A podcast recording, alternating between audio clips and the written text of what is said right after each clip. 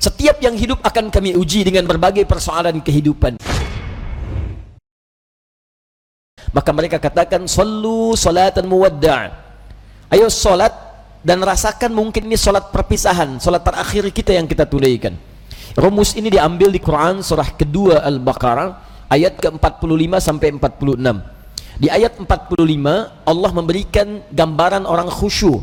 Ya wasta'inu bis sabri was salat wa innaha lakabiratun illa 'alal khashi'in. Kalau Anda punya masalah dalam hidup kata Allah, jangan mengeluh. Ayo minta solusi kepada Allah. Pertama terima dengan sabar. Menerima dengan sabar memberikan ketentraman pada jiwa. Minimal jiwa tenang dulu walaupun solusi belum datang. Jiwa yang gelisah hanya akan menghadirkan keresahan dan sikap yang tidak penting sehingga melahirkan hal-hal yang tidak kondusif. Nah, kata Quran sabar dulu terima. Ini ujian. Tidak mungkin Allah menguji seseorang yang tidak sanggup menerimanya.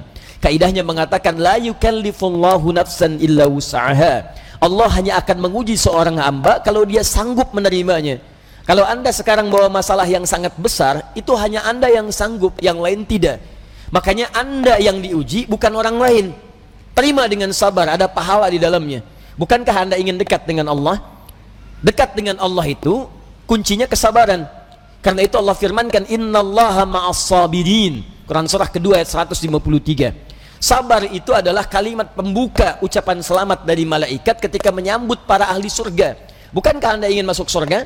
Maka di Quran surah ke-13 ayat ke-24, malaikat disebutkan dalam Quran menyambut ahli surga. Pertama kali dengan kalimat sabar.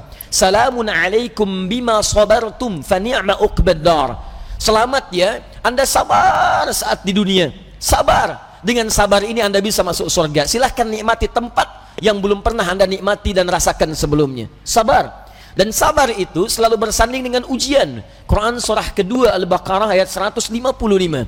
Ya, walanabluwannakum bisyai'in minal khawf wal ju' wa naqsim minal amwal wal anfus wath thamarat wa basyiris sabirin.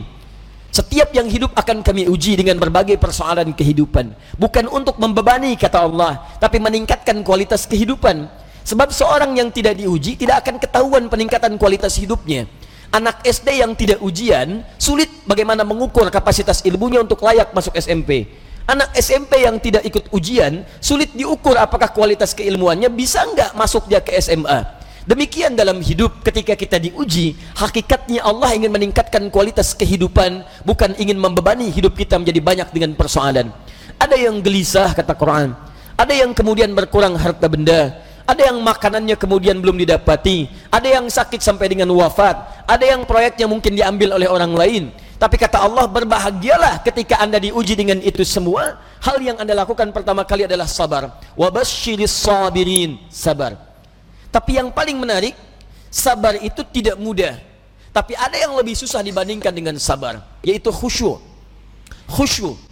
Karena itu ketika Allah menyandingkan sabar dengan khusyuk, wasta'inu bis sabri was salah jika anda punya masalah terima dulu dengan sabar minta tolong lewat salat tapi salat tidak mudah illa ala khashi'in kecuali bagi orang khusyuk. Khusyuk lebih sulit dibandingkan dengan sabar. Ketika Allah sandingkan antara sabar dengan khusyuk dalam salat maka kata gantinya hanya menunjuk kepada salat wa innaha bukan wa innahu. Ha domirnya muannats salat ujungnya tak marbutah menunjuk pada muannats maka kata Allah menunaikan solat dengan khusyuk itu lebih sulit dibandingkan sabar sekedar sabar menerima ujian. Kenapa? Dalam sabar kita masih bisa mengingat sesuatu yang ingin kita ingat. Dalam solat yang tidak ingin anda ingat bisa diingat. Silahkan cek. Abu Dawud nomor hadis 857. Ketika anda bertakbir mengucapkan Allahu Akbar, di situlah kata Nabi setan akan membisikkan pada jiwa anda. Uzkur kada, uzkur kada Ibu kalau belum takbir bu, biasa aja. Tapi begitu ibu mengucapkan Allahu Akbar, kata Nabi, setan di situ mulai bekerja. Ingat ini ya, ingat itu ya. Gak percaya silahkan nanti zuhur bu. Begitu ibu takbir, oh, handphone, ingat WhatsApp belum dibalas. Miss call belum dijawab. Entah itu khairayara atau miss call syarayara. Mesti ingat tuh. Bahkan kata-kata saya ini ibu akan ingat tuh. Begitu ibu takbir, mulai bekerja. Ingat ya, kata Ustaz tadi, setan akan bisikin tuh. Itu setan bu, bukan saya. Muncul dia. Ya hatta la yash'urul musalli kam rak'atan yusalli. Sampai-sampai orang salat kata Nabi nih, kalau Nabi bicara pasti akan terbukti. Sampai-sampai orang salat ada yang tidak sadar berapa rakaat sedang menunaikan salatnya. Oh. Muncul. Nah, kalau Anda ingin khusyuk bagaimana caranya? Ayat 46-nya mengatakan ini poin kita. Alladzina yadhunnuna annahum mulaqu rabbihim wa annahum ilaihi raji'un. Alladzina yadhunnuna annahum mulaqu rabbihim. Orang salat yang khusyuk itu sudah ketahuan kata Quran dari persiapannya. Dia bersiap untuk menjumpai Rabbnya. Tuh. Dia sudah punya persiapan menjumpai Rabbnya, Allah yang merawat dia, mengampuni dosanya, menyembuhkan dia saat sakit, memberikan kecukupannya, memaafkan salahnya, mengampuni dosanya, memberikan segala yang dibutuhkan. Maaf, maaf, pimpinan perusahaan saja hanya memberikan pada Anda bekal kehidupan dari gaji atas pekerjaan yang Anda lakukan.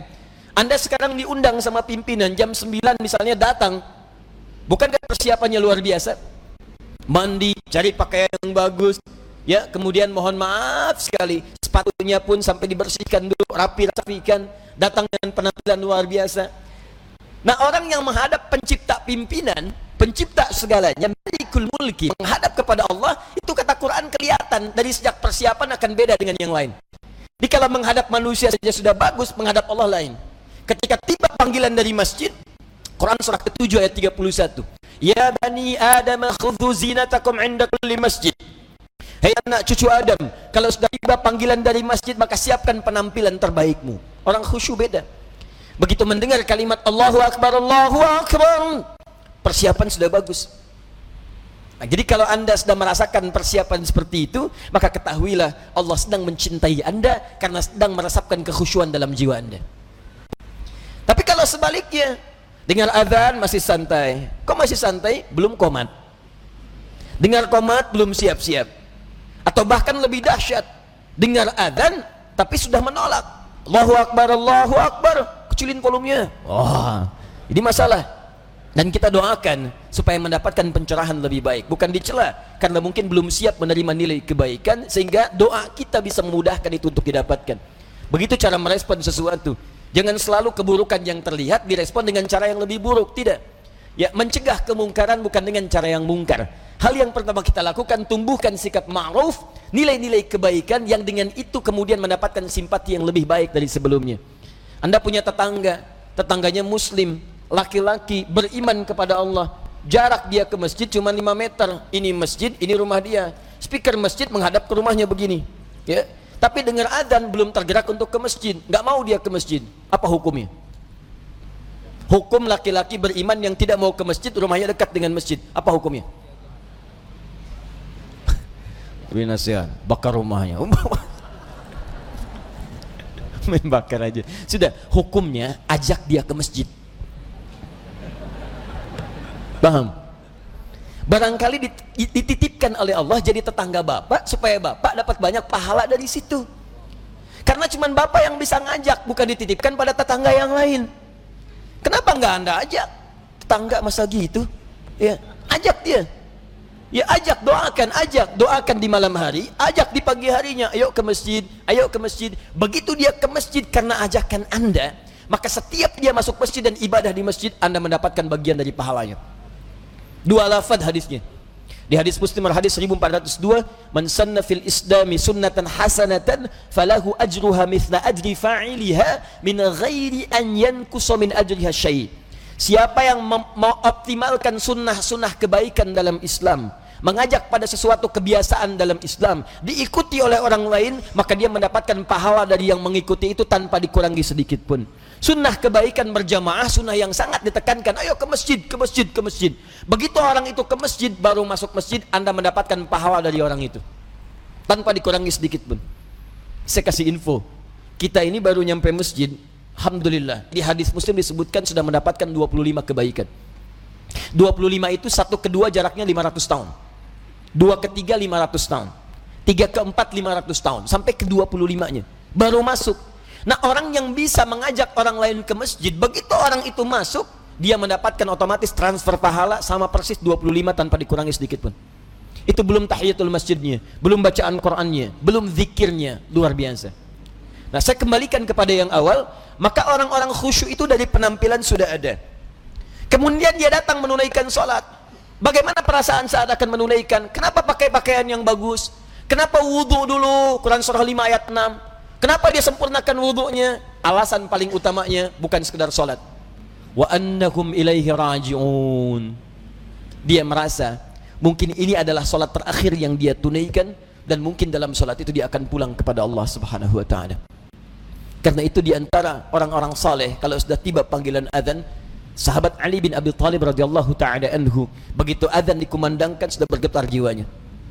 Ditanya, lima hakadha ya amiral mu'minin. Kenapa perasaan anda demikian ya amiral mu'minin?